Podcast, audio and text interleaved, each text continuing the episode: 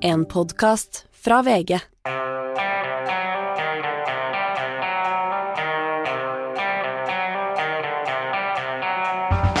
Ikke visste jeg at alle disse dagene som kom og gikk, de var selve uke 43. Det er en god dag her i podkaststudioet til Gjever og gjengen, for Hanne er tilbake. Velkommen, Hanne. Tusen takk, Anders. Det har vært, eh, hvor lenge er det du har vært borte nå? Er det 14 dager? Ja, to Ja, ja. Intenst. Veldig intenst. Jeg kjenner eh, pulsen har gått ned når jeg har kommet hjem. For det var eh, Det å være et sånt område med så mye spenninger og så mye tragiske, katastrofale ting som skjer, det er eh, spesielt. Du nevnte et eksempel med Fitbiten din her, eller en annen type pulsklokke du har. Ja, for jeg har vanligvis en hvilepuls på rundt ja, 49-50, mens de siste uka så har den ligget på bikka rundt 60-61. Og jeg tenker de som da bor i disse områdene hele tiden, det må jo gjøre noe med kroppen, rett og slett. Ja. Eh, og det gikk greit, og jeg- jeg går liksom flyene til og fra Tel Aviv nå eh, som de skal, eller er det Nei, altså, jeg hadde jo først en Lufthansa-flight hjem, den ble kansellert. Og så hadde jeg Air Serbia hjem, som jeg reiste til med, som jeg tenkte at det går sikkert bra. Så ble den også kansellert. Og det eneste som gikk ut som jeg kunne finne nå, var El Al, altså det israelske flyselskapet. Så må du bytte et sted i Europa da, og komme deg helt hjem. Ja. Så det er en lang, lang melkerute å komme hjem. Ja, og så må du da sjekke ut bagasjen, hvis ikke du skal kjøpe en svindyrbillett, da. Men da må du sjekke ut bagasjen, så jeg sjekka ut i Roma, og så måtte jeg gå til en annen terminal og sjekke ut og inn bagasje, og ja. Så det var en litt strabasøstur, så jeg er litt eh, slapp i dag, Anders. Nei, ja, det er deg vel lunt. Du kan få være slapp helt fram til mandag. Takk. Det var raust. Men, eh, men eh, vi skal snakke litt mer om, eh, om denne konflikten med Gard Steiro senere i dag, om balanse og, og pressgrupper og sånne ting i medieboblesegmentet vårt. Men det vi skal snakke om her, det er noe langt mer prosaisk. Det er en kommer en ny TV-serie på NRK som handler om noe jeg i utgangspunktet da jeg hørte om den tenkte at dette var temmelig nerdete greier, men denne her tror jeg kan bli en ganske stor suksess. Nå har vi fått nok av dette her, og alt det greiene med deg. Kom deg ut! Har du tenkt å la det her fortsette? Eller vil du bli statsminister?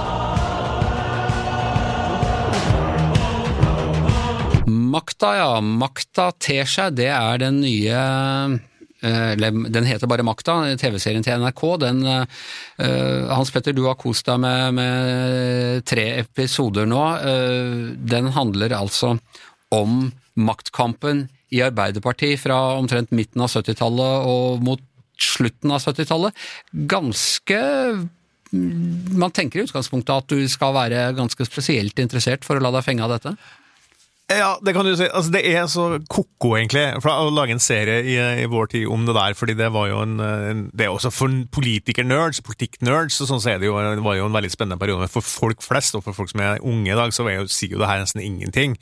Men det som er så vanvittig genialt og, og så bra med den serien, er at de klarer å gjøre en, en helt sånn, sånn merkelige ting som skjedde in, i, altså inni et norsk politisk parti på slutten av 70-tallet, til stor underholdning som også angår oss i dag. Det syns jeg er virtuost gjort. Jeg, jeg, må si, jeg satt og så på de tre episodene i går, eh, og jeg satt alene i sofaen hjemme og, og, og så det. Um, og jeg ble helt gal av å ikke ha noen å snakke med om det, fordi jeg ble, jeg ble så fyrt opp av det, fordi det var så gøy. Du Fordi- ville stå ved kaffetrakteren på jobben og diskutere? Nettopp, fordi, fordi det, det, det er liksom Vi kan snakke om det her i studio, vi er jo nerds.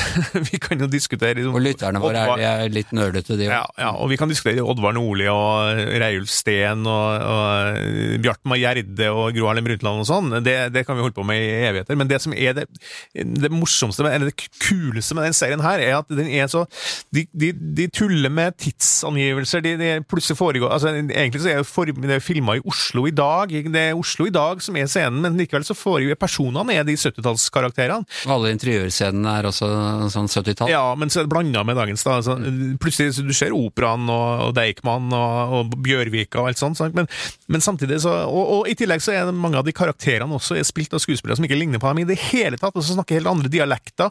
Altså det er en sånn eh, Hvis vi bruker litt teoretisk, altså, det er en slags sånn postmodernistisk måte å, å lage film på. da. De, de bare, de, de bare eh, Alle nivåene er liksom eh, De, de, de blander sammen høyt og lavt, og, og det er litt tull. og, og jeg synes at det, det måten det er gjort på De, sier at den starter i 1974, men politiet etterpå 1974 i sånne hermetegn. ikke sant? Det, det vitner om at det, det her skal jo ikke ta altfor seriøst sånn rent historisk. De må ses på som en underholdningsserie. Og som jeg vil si, Det er veldig gøy hvordan de, de presenterer starten. Den serien her er basert på sannhet, løgner og dårlig hukommelse. Ja. Og eh, Hanne, altså dette er fra en tid eh, selv før du og jeg var blitt politiske journalister, men vi husker det. Du, dette er på den tiden du begynner å å følge med på, på, hva som skjer i verden og i politikken? Absolutt. Og mitt første møte med Gro Harlem Brundtland var faktisk, det husker jeg bare helt vagt, da var jeg fire-fem år. Hun kjørte legevakt og var hjemme hos oss for jeg hadde vondt i magen. Ja. Eh, men jeg vokste jo opp hun, ble, du, hun undersøkte deg, rett og slett? Hun undersøkte meg, rett og slett, ja. som lita jente. Uh, nei, jeg fulgte Jeg må si at jeg var som ung tenåringsjente var veldig fan av Gro Harlem Brundtland. Jeg syntes det var superstas med en sånn drivende dame som bare kom inn. Dette var jo kvinnetiåret, ikke sant. og alle disse tingene som skjedde da. Det, og jeg var en ivrig ung feminist, så jeg var, hadde litt sånn crush på Gro den gangen. Og så må vi altså si at dette var da i en det vi den gangen regnet som en krisetid for Arbeiderpartiet, de var jo, hvor svære var de på, etter valget i 77? Det var jo, det var rent flertall fremdeles på Stortinget? Ja, jeg husker ikke tallet, men det var jo, de var helt krise, ikke sant. Etter ja, EU-kamp og mye fyll og mye Det var liksom bare Alt var Det var elendig. en gjeng med jeg holdt på å si menn på min alder, men uh, Hans Petter avslørte i dag at på, på den tiden så var Hvor gammel var det Nordli var? Nei, jeg, jeg, Nesten ikke jeg tør å si det, men jeg, jeg, tror han er omtrent på min alder nå. Ja, ja. han har alltid sett mye eldre ut enn deg, Hans Petter. Men vi som var unge, så på dem som eh, gamle dinosaurer i stygge slips, og det var omtrent ikke kvinner til stede, og så kommer altså denne unge legen, Gro Harlem Brundtland eh, inn, og det er godt fått til i serien hvordan hun, hun klarer ikke helt å ta inn over seg alle de rare konfliktene disse gamle mennene eh, strir med, men i hvert fall, vi kjenner historien. Hun ble ny partileder og, og statsministerkandidat, og eh, Arbeiderpartiet uh, humpa, vi, humpa videre med, med henne. Og noe av grunnen til at vi snakker om det her, utover at det er en morsom historisk dramagreie, er jo at Eh, Arbeiderpartiet var i en slags krise da, eh, og de er definitivt i en krise nå. Eh, er, den, er, det relevant å se hva som skjedde den gangen, for å tenke hva de kan gjøre i dag? Ja, først må vi si det, det er mye mindre fyll nå. Det er en stor forskjell. Men det er klart det er ingen, ingen vanskelig periode er lik, men det er klart at de klarte å komme seg opp igjen. Det er det som kan være inspirerende for dagens Arbeiderparti, som er så ute å kjøre. At de har klart å komme seg opp av den gropa før. Eh, men det var jo andre problemstillinger da. Var jo, de var jo fortsatt det dominerende partiet som alle forholdt seg til. De er kanskje i ferd med å glippe på det nå, så det er et annet og kanskje enda dårligere utgangspunkt nå. Ja. På, øh, på, en måte så er det jo ikke helt riktig det du sa nå, at de kom seg opp av gropa, fordi de lå jo mye høyere den gangen enn de gjorde gjennom hele groperioden. Mm. Uh, så det var jo det som jeg tenker, jeg, selv om de kom tilbake og ble regjeringsparti og dominerende, selvfølgelig, men, men rent oppslutningsmessig så var 70-tallet var jo da, da pika det nærmest da, eller det, det pika egentlig på 50-tallet, men de kom liksom litt tilbake og snuste på sånn nesten borti 50% også på 70-tallet. sant?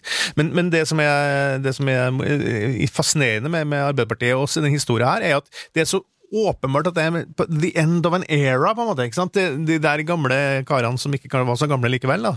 som som heter så rare navn som Oddvar og, og med 1D, for øvrig. Uh, Reiulf og Bjartmar og sånn. Det, det, var en periode i norsk historie som på en måte var du, altså, var ferdig da, rundt 1980, da, da, den, da Gro kommer inn. ikke sant? Så det, det, er liksom så, det er så åpenbart at her er det en, en, tid som er i ferd med å bli over. Nå skal det avløses av noe helt annet, og da må det komme inn yngre uh, folk. da, og Det er jo spørsmål også i vår tid sant, med Arbeiderpartiet. Er det nå også the end of an era? Er det, er det, er det et knekkpunkt nå også? Og hva er eventuelt det som kommer? da? Det, sånn syns jeg er veldig fascinerende. Kommer det en ny kvinnelig Messias uten habilitetsproblemer og redder showet, Hanne?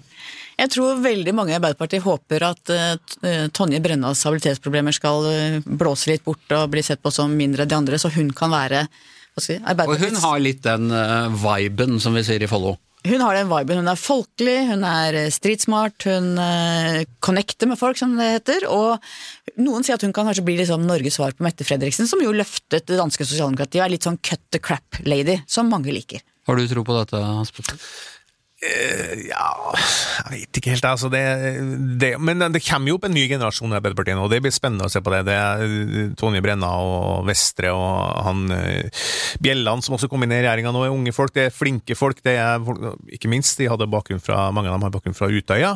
Eh, Så det er en helt annen erfaringsbakgrunn, da. Så, så det blir spennende å se. Og jeg tror at det er en sånn en ting som sies i den serien her også, at du, du må aldri avskrive sosialdemokratiet. Det tror jeg er en, en lærdom i, i, i Norge og i andre land også. Det kommer tilbake, og det kommer, men det, det ikler seg nye gevanter og, og en litt annet språk, litt annen måte å gjøre det på. Og det ser vi veldig godt i den serien her. fordi på slutten av 70-tallet så var det sånn at da var Norge nesten litt sånn sovjetaktig, ikke sant? Og da fikk du høyrebølgen, og den var jo egentlig helt genial. Altså, det, det var et frislipp som bare måtte komme. og Det var veldig deilig når vi fikk eh, nærradioer og lengre åpningstider og eh, Ja. i det hele tatt. Jeg tror, tror selv venstresida syntes at det var greit, at ikke alle Ja, og Arbeiderpartiet gjennomførte en sånn frihetsdiskusjon som, som jo revitaliserte partiet og gjorde det relevant igjen etter at det, var jo, Når du ser den serien her, eh, og jeg vil bare si, se den, for det her tror jeg dere vil finne veldig veldig underholdende, og eh, det er den som er det, altså, avsnitt nummer tre, episode nummer tre, som handler om den berømte togturen mellom,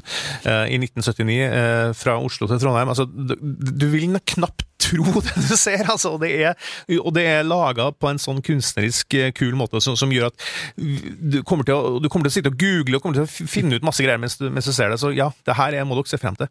Og det forteller litt om pressens rolle, for det var jo mye pressefolk med på den turen, og de var like fulle som alle andre, og de rapporterte ikke om det de hadde sett, for de var Og en del av det. Og vi har sittet på møter med en del av disse som var fulle på, på de turene han har opp gjennom vår karriere, Oh, yes. så det er i forskjellige aviser. Det er flere av de som vi kjenner godt som eh, deltar i denne episoden der, skal ja. si dere, og det er, det er utrolig underholdende. Men det er jo helt, helt sjokkerende hva som skjedde på den togturen der, hvor, hvor mye de drakk, altså. Altså, det var helt vanlig. De, de, altså, de bare begynner episoden med at de bare laster toget full med Røyka og brennevin. drakk. ja. Røyka og drakk. Og spilte kort på et langt på natt. Men du, du var inne på en annen, annen ting, og dette er et, eh, et alvor jeg er litt usikker på om eh, Men jeg har lyst til å spørre. altså Arbeiderpartiets nye nedtur, den startet egentlig i 2011. Eh, Etter Utøya så gjorde Arbeiderpartiet et eh, veldig dårlig valg, og så har de gjort dårligere og dårligere valg. Nå er det altså, som Hans Petter var inne på, det er tre stykker inne fra eh, Utøya i regjeringen. Denne generasjonen som på en måte sto for fall den gangen, var ledet av Trygve Bratteli, en tidligere konsentrasjonsleirfange som så vidt han overlevde Dachau, var det vel han satt i en av de verste uh, utryddelsesleirene. Han ble vel hentet ut fra av en likhaug. Ja, og veide 40 kilo. Altså det var uh, det, jeg, jeg var ganske stor før jeg leste denne boka hans 'Fange i natt og tåke', og uh, tenkte liksom jeg hadde vært i opposisjon til alle disse her mennene. Og, og de, de tok litt inn over meg det alvoret denne generasjonen faktisk var født med. Eh, Det alvoret som eh, Og dette har vi jo snakket om tidligere, eh, Snorre Valens bok om Utøya-kortet osv., at man har en slags berøringsangst for hva som faktisk skjedde mm, på Utøya, og ikke minst altså En ting er rosetogene og, minnestunden og sånn, men hva, hva det gjorde med oss politisk. Eh, tror du at dette at Utøya-generasjonen og faktiske overlevende fra Utøya kommer inn i regjeringen, vil gjøre noe med eh, dynamikken og, og sammensetningen der? Jeg tror i hvert fall de har en erfaring som gir dem et alvor og en tyngde, og antagelig en evne til å ta tunge valg. Eh, Jeg tror kanskje vi får se et parti som si, ikke er så opptatt av oppslutning, og det kan være bra.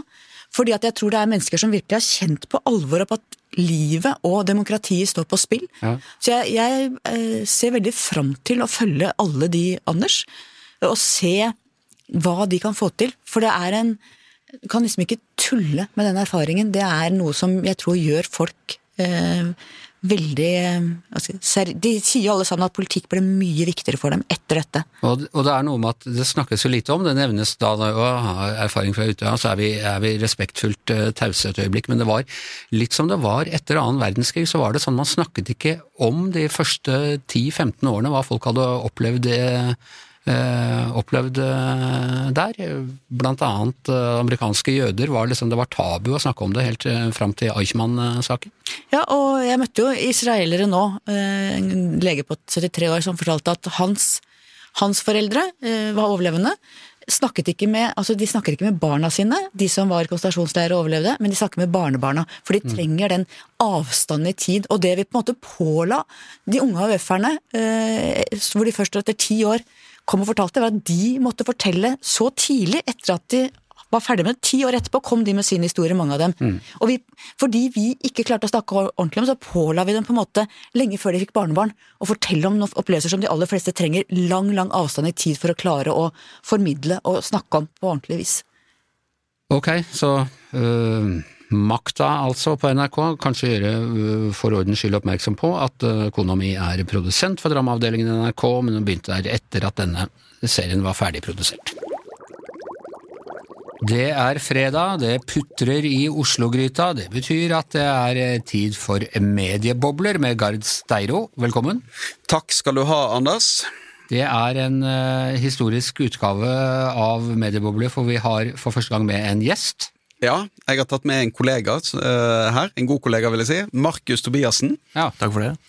Og han skal hjelpe deg og forsvare deg mot uh, urimelige påstander fra meg, eller hva er Han skal først og fremst sørge for at fakta, eh, at vi er presise i faktagjengivelsen. For Markus han jobber på avdelingen for undersøkende journalistikk i uh, VG. Og da du uh, spurte meg om en sak, så tenkte jeg at her kan det være greit å forklare de lytterne som ikke har lest denne saken, hva det egentlig handler om. For det er litt komplisert. Litt komplisert og ganske saftig sak, må man eh, også si. Eh, Markus, mann tiltalt for å forsøk på utpressing av høytstående offiser. Det er egentlig en sak som har pågått en stund.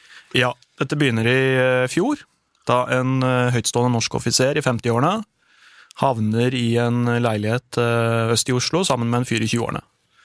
Hvor han sovner naken på sofaen, denne offiseren, ved siden av en, eh, det som skal være narkotika. Hva slags narkotika? Eh, Det vet vi ikke helt. Nei. Um, og hvor, dette da, hvor han da blir eh, filmet liggende der naken på sofaen ved siden av denne narkotikaen.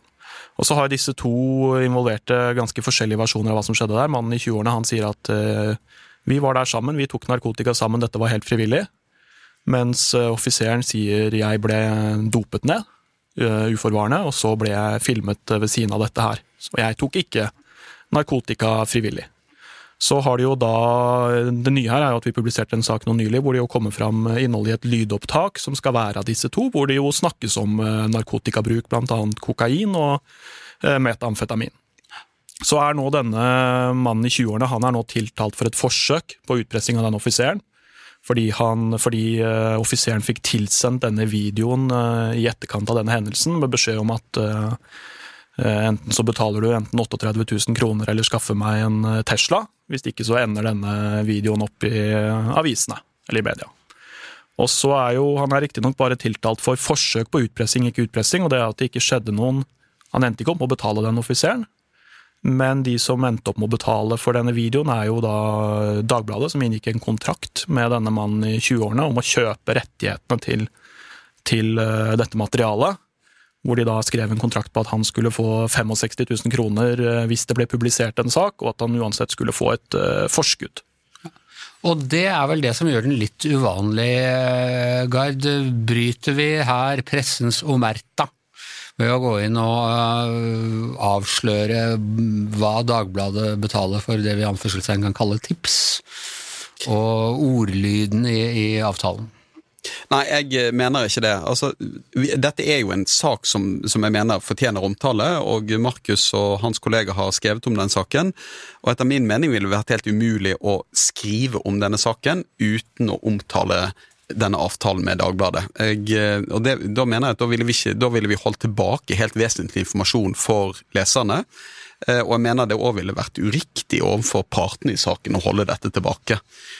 Eh, Men det er klart at det er et det er klart at det er, jo, det, er jo, det er jo litt sånn krevende selvfølgelig å gå inn på dette, men jeg mener det er medienes oppgave. Og det er jo veldig tydelig òg i Vær varsom-plakaten at vi har et ansvar for å drive kritisk journalistikk mot hverandre.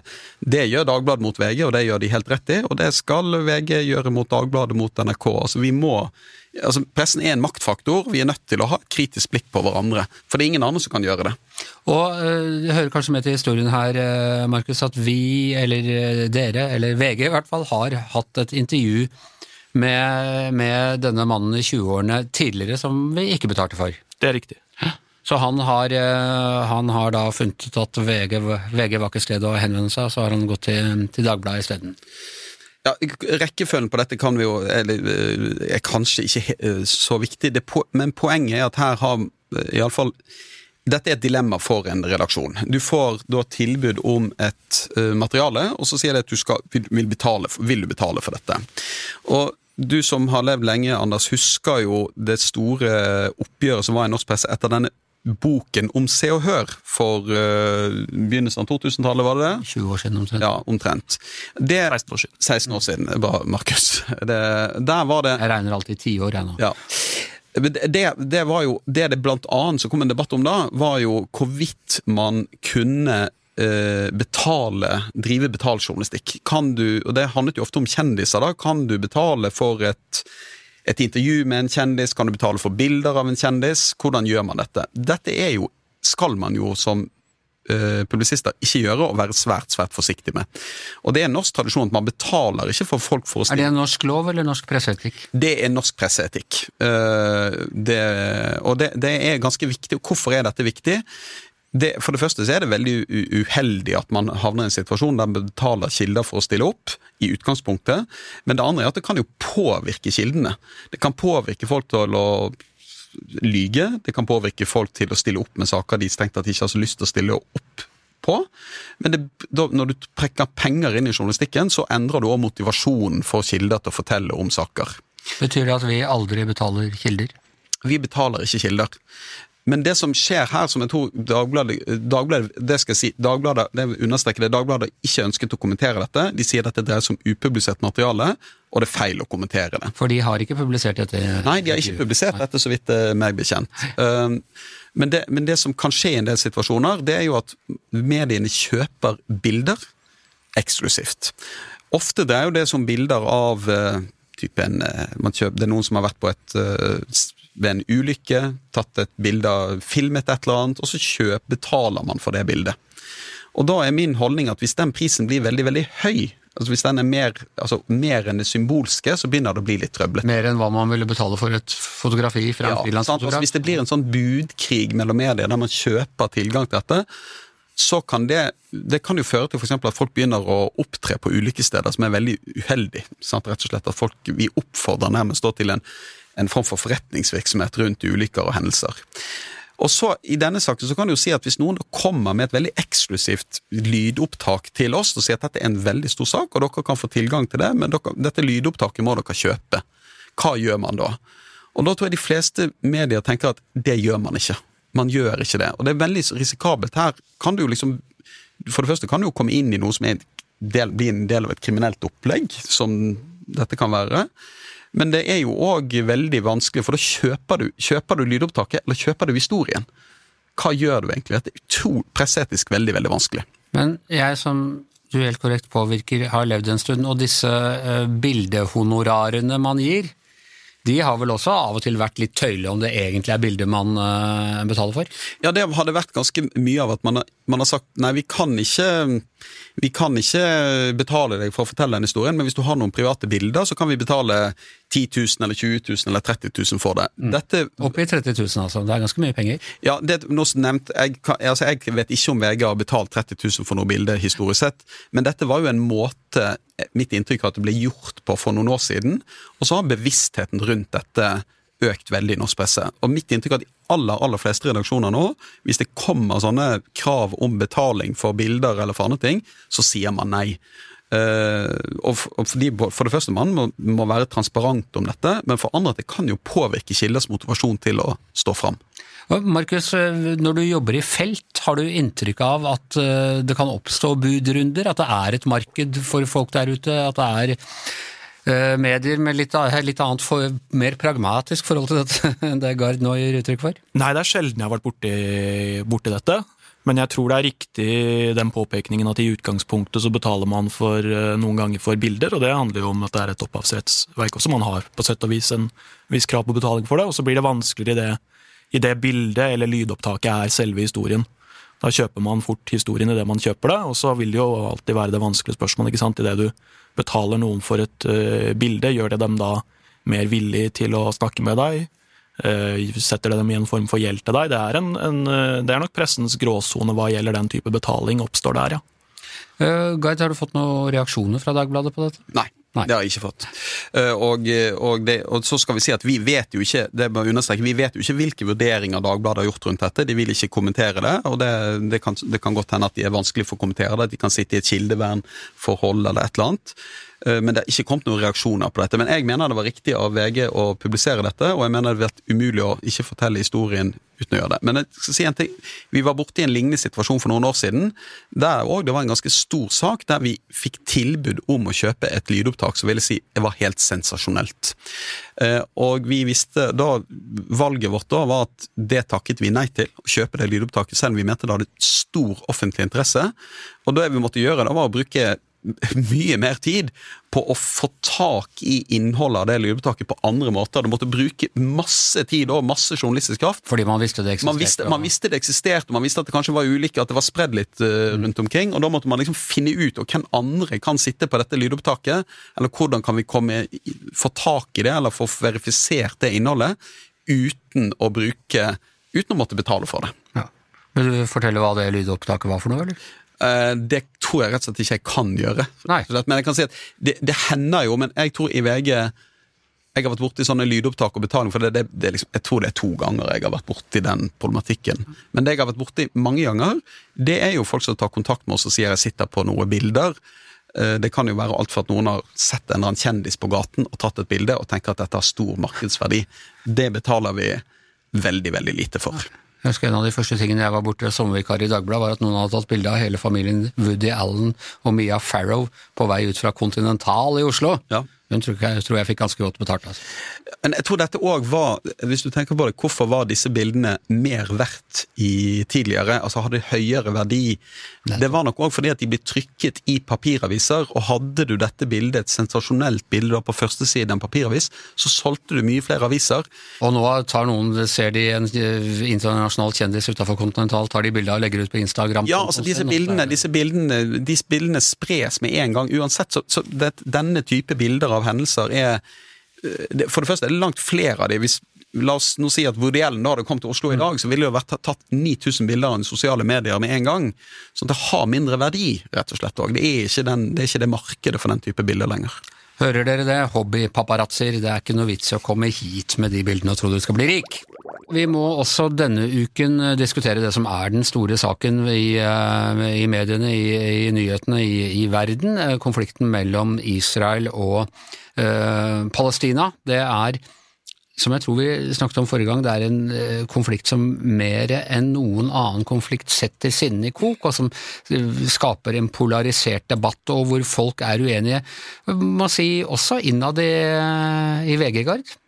Ja, det er, det, vi, et, eh, vi har et sånt daglig evalueringsmøte i VG, og i dag diskuterte vi nettopp dekningen av, eh, av krigen og terrorangrepet mot Israel. Og det, jeg merker jo at også internt i redaksjonen så skaper denne konflikten eh, sterke følelser.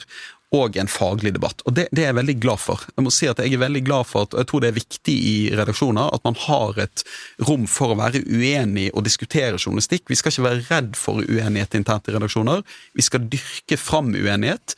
For det er, det er viktig å ha meningsbrytning i redaksjoner når det gjelder dekning av så vanskelige saker som denne krigen. Og da passer partene litt på hverandre også, da? At, eh, Ja, men det er, det er klart at det er, det er jo ikke sånn, det finnes jo ikke noen fasit til hvordan du skal dekke en krig. Det finnes en del grunnleggende journalistiske prinsipper. Men hva skal du vektlegge, hvordan skal du vektlegge det, hvilken tone skal du i sakene, hvilke bilder skal du bruke, hvordan skal du skape eh, en form for forståelse oss brukerne og leserne våre om, eh, om denne saken. Det, det, er jo, det, er veldig, det er jo veldig store og vanskelige spørsmål.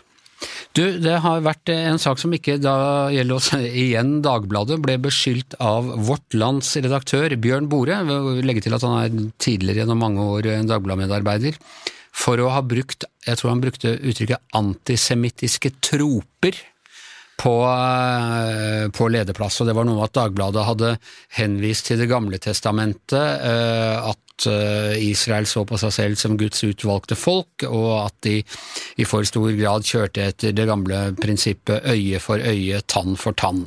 Mm. Dette mente Bore, og veldig mange i kommentarfeltet hans under, at var å bruke gamle antisemittiske eh, vendinger fra, fra antisemitt antisemittismens storhetstid, får vi si, på, på eh, begynnelsen av det første halvdel av det, av det forrige århundret, hvor man liksom knytter Israel til en sånn gammeltestamentlig idé om at de er eh, Guds utvalgte eh, folk. Eh, Dagbladet har, var i, i debatt med Bore på Dagsnytt 18, Lars Helle i Dagbladet, og innrømte at han kunne spart seg for noen formuleringer, men syntes også at Bore tok for sterkt i. Hva tenker du om en sånn type leder? Nei, jeg syns Lars Helle svarte veldig godt på det, må jeg si. Altså, han øh, Jeg syns jeg forstår Lars Helle veldig godt. Han, og jeg og jeg syns det er liksom veldig godt gjort av Lars Helle. Han går ut og svarer helt ærlig. Han sier at ja, her var det Vi brukte noen begreper som vi kunne med fordel bare spart oss for, men at han mente at liksom at det, det ble kritikken av den lederen Da, da vrangleste man lederen litt, opplevde han. sant? Og det tror jeg er særlig kanskje litt kompli altså det vet jo både Bore det vet jo Bore veldig godt, han har jobbet i Dagbladet. Dagbladet er ikke en antisemittistisk avis. sant? Det er, det er veldig langt fra det Dagbladet er, og det er veldig langt fra det de har stått for på lederplass eh, og på, i kommentarplass opp gjennom årene. Så her var det på en måte en, eh, en formulering som ble lest i verste mening, og som jeg syns kanskje at kritikken var ekstra eh, den var, den var, Jeg opplevde den litt for hard, men jeg syns Lars Helle svarte veldig godt på det, må jeg si. Men, men det illustrerer jo òg her at hvor, altså hvor lite som skal til her før det blir enorm debatt rundt dette, altså hva, rundt journalistikken. Eh, og Vi snakket jo om det i dag tidligere. Her kan samme setning, samme tekst, samme avsnitt samme, Det kan bli oppfattet totalt ulikt da, av de, eh, av de som står på veldig langt fra hverandre i denne konflikten. Eh, Jeg tror veldig mange av oss som jobber i pressen har mottatt Det går ut diverse typer kjedemailer. Eh, og jeg har mottatt de, de fleste har gått fra folk som eh, støtter den palestinske saken, om at vi er for dårlige til å eh, skildre hva som skjer i Gaza. Noe av det er jo rett og slett at det er ingen norske journalister inne i Gaza. Vi har måttet bruke andre metoder for å rapportere derfra. Ja, altså For det første, sånn ikke- disse, disse aksjonene jeg kan si at de, Min erfaring er at de gjør ganske lite inntrykk på redaksjoner. Eh, det kan være En enkelt henvendelse kan gjøre mer inntrykk på oss enn disse aksjonene. Eh, men det som er det som Jeg syns vår fagleder for utenriks i, i VG han, var et, han har svart på dette, jeg syns han har svart veldig godt. Han var på Dagsnytt 18 Han var på. Dagsnytt 18 i går, Amund Bakke Foss. Det han sier, som er helt riktig, er at VG og andre norske medier har bestrebet seg veldig på å beskrive hva som skjer i Gaza, selv om man ikke kommer inn i Gaza. Gaza er stengt, og jeg tror også faktisk også det er for risikabelt å sende journalister inn der uansett akkurat nå. Men det man har gjort, er at man har brukt Man har fått tak i kilder som er der inne, man har fått verifisert informasjon. Vi har jo en kollega, en, en hjelper, som har hjulpet VG i mange i denne regionen tidligere, som er i Gaza. Vi har fått bilder og videoer fra han, og klarte å beskrive de helt forferdelige um, forferdelige hendelsene som nå er inne fra Gazastripen. Så jeg mener at det er ikke, det er ikke riktig, den konflikten, men jeg mener at den er, det er beskrevet ganske godt i norske medier, mener jeg, selv om man ikke har tilgang, ødeleggelsene i Gaza. Det som ble eh, anklagen var at man skapte en, det man kalte en falsk balanse. Jeg mener pressens oppgave i denne forferdelige situasjonen er å beskrive så faktaorientert som mulig hva som skjer. Det er å beskrive lidelsene det palestinske folket er utsatt for. Det er å beskrive eh, terrorangrepet mot, mot uskyldige israelere. Og beskrive dette og gi leserne mulighet til å forstå situasjonen. Og det tror jeg i en konflikt som dette, så skal man la adjektiver ligge. Man skal være veldig, veldig faktaorienterte. Man skal bruke Man må verifisere alt, for det er en propagandakrig òg. Og så skal man ikke Og hvis man klarer å gjøre det, så skaper man en form for balanse i dekningen vår. Vi hadde en diskusjon oppe, bør vi bruke ordet objektiv, bør vi bruke ordet balanse, hva bør vi gjøre? Og mitt svar er at vi må, bare, vi må være faktaorienterte, og så må vi prøve å få fram ulike aspekter ved denne konflikten, men først og fremst fokusere på de menneskelige, lidels-. Da må jeg liksom strigle min egen kjepphest der også. Eh, eh, I denne konflikten så har du da israelere eh, på den ene siden og palestinere på den andre. Israelere forbindes med jøder absolutt over hele verden. De er en minoritet i omtrent eh, i alle andre land eh, enn eh, Israel. Det er en stor sympati blant muslimer rundt omkring i verden med Palestina, men de forbindes ikke direkte med Palestina, veldig få kobles direkte til eh, Hamas, mens jøder ofte kobles direkte på Israel. Jeg ser de avkreves eh, på eh, sosiale medier en slags sånn ta avstand eh, fra Israel, og den frykten som jeg tenker at mange eh, jødiske nordmenn eksempel eh, opplever når det er veldig, veldig sinte eh, demonstrasjoner, og det dukker opp guffende skilt med 'fei dem på sjøen' og, og Davidstjernen gjort om til hakekors og sånne ting. Det er også noe å, å ta hensyn til at det er en asymmetrisk konflikt innad i Palestina-Israel, men også en asymmetrisk eh, konflikt utenfor som slår andre veien. Ja, også, og, og jeg har uh, sympati med alle som er rammet av denne konflikten, må jeg bare si. Det som er Problemet er at hvis vi skal begynne i journalistikken vår å ta denne type hensyn legge den type føringer inn i journalistikken vår, så jeg, jeg er usikker på hvor, hvor, hvor, hvor tar det oss. Jeg tror det, dette, dette vil si, og Jeg snakket med en ganske klok kollega som sa her at det er i konflikter som dette, når ting virkelig setter på spissen, at de journalistiske kjørereglene, presseetikken, at man virkelig skal følge den nøye. Og presseetikken handler om å rapportere, fortelle, uh, fortelle samfunnet hva som foregår, og prøve å legge vekk Altså prøve å ikke ta, legge disse føringene til grunn. For det at hva som er asymmetrisk og hvem som lider, det vil det være så ulike meninger om. Faktum er at det er veldig mange mennesker som lider. Det er en krig, den er grusom. Og vi må bare beskrive det som skjer på en best mulig måte. Og så må vi jo dekke da det, hvis det er jøder i Norge eller andre steder som blir utsatt for eh, overgrep og overtramp og må beskrive det òg. Men pressens oppgave er jo ikke nødvendigvis å løse problemer, det er å beskrive problemer. Men i stiftelseserklæringen står det at vi skal bygge bro over motsetninger? Ja, og da tror jeg at det beste måten å bygge bro over motsetninger, det er at vi har, en, vi har fakta i behold. For uten fakta, altså uten at vi har et felles faktagrunnlag, så er det helt umulig å bygge broer. Ok, det hørtes klokt ut, uh, Gard. Det var sånn det skulle stått på lederplass i VG, dette her. Det, det kan hende det kommer til å stå, for alt jeg vet. Men du, uh, bare helt til slutt. Vanligvis så har vi en sånn sak hvor vi, jeg vil ikke si at vi har dummet oss ut, eller et eller annet sånn kontroversiell uh, liten VG-sak på slutten. Jeg har rett og slett ikke funnet noe denne uka. Nei, det har vært, har, det har vært PFU-møte denne uken. Vi var ikke klaget inn denne gangen. Og denne uken så har vi så langt jeg kan se, ikke gjort noen litt sånn uh, latterlige feil, vil jeg si. Uh, men det, uken er jo fortsatt ung, uh, Anders. Så det, er vi, det, det, er både, det, er midt på fredag, og vi har hele helgen igjen, så det kommer sikkert noe i løpet av de neste dagene. Ja, det er godt at du er såpass fatalistisk. Tror du det kan være dette innslaget her på Evre Gjengen som har gjort at VG skjerper seg? Vet, Anders, hvis det får deg til å føle deg bedre, så sier vi det. Ja, jeg tror, jeg tror, jeg er, jeg tror vi, vi går mot nå den perfekte vi er den beste utgaven av oss, av oss, selv, er det ikke det det heter? Det er det det heter. Ok, og med de selvfornøyde uttalelsene fra meg, så runder vi av ikke bare mediebobler, men hele Gjever og gjengen. Hei, vent, nå fikk jeg melding fra Markus her, skal vi se.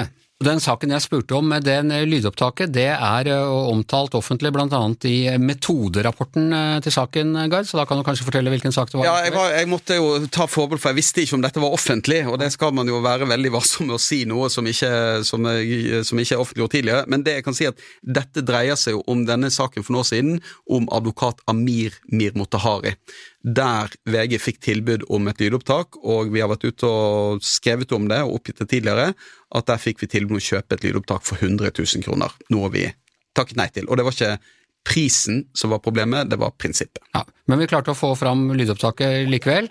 Og sparte, hund- sparte Skipsted for 100 000 kroner. Nei, det gjorde vi ikke, tror jeg. fordi at Hvis du tenker på hva som ville vært det billigste for oss, eh, så tror jeg vi brukte mer penger på å få tak i det lydopptaket på annet vis enn å bare kjøpe det ut. Vinninga gikk opp i spinninga. Ja ja, det hender at det skjer. Med det så er Giæver og gjengen over for i dag. Tusen takk til Hanne Skartvedt, Hans Petter Sjøli, Markus Tobiassen, Gard Steiro, jeg heter Anders Giæver, og mannen som ikke lar seg presse av verken lydopptaket eller bilder, er vår produsent Magne Antonsen. Du har hørt en podkast fra VG. Ansvarlig redaktør, Gard Steiro.